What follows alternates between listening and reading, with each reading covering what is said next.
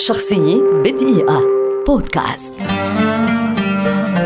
فريدريك شيلر شاعر ومسرحي كلاسيكي وفيلسوف ومؤرخ ألماني ولد عام 1759 ويعد مؤسس الحركة الكلاسيكية في الأدب الألماني إلى جانب جوتي وهو من الشخصيات الرئيسية الهامة في التاريخ الأدبي الألماني.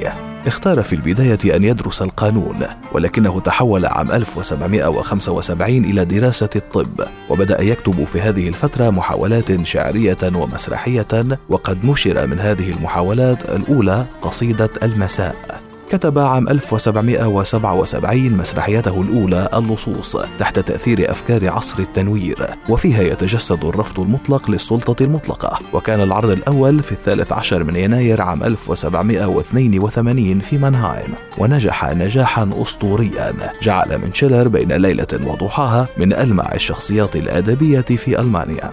بعد ذلك بدأ شيلر كتابة مسرحية جديدة هي فيسكو والتي اكتملت وعرضت عام 1784 لتتوالى أعماله بعدها فكتب دسيسة وحب ودون كارلوس وماريا ستيوارت وغيرها. في مدينة فايمار وجد شيلر المكان الذي كان يتمناه حيث الصداقات الأدبية والأحاديث مع نبلاء الأسرة الملكية وهناك التقى بجوتي الذي ربطته به صداقة عميقة هي من أشهر الصداقات في التاريخ الأدبي العالمي.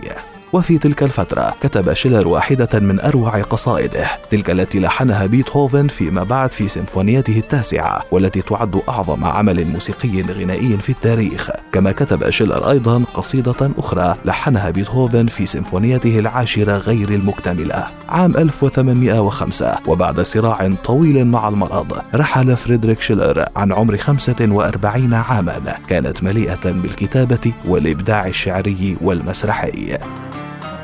شخصية بدقيقة. بودكاست.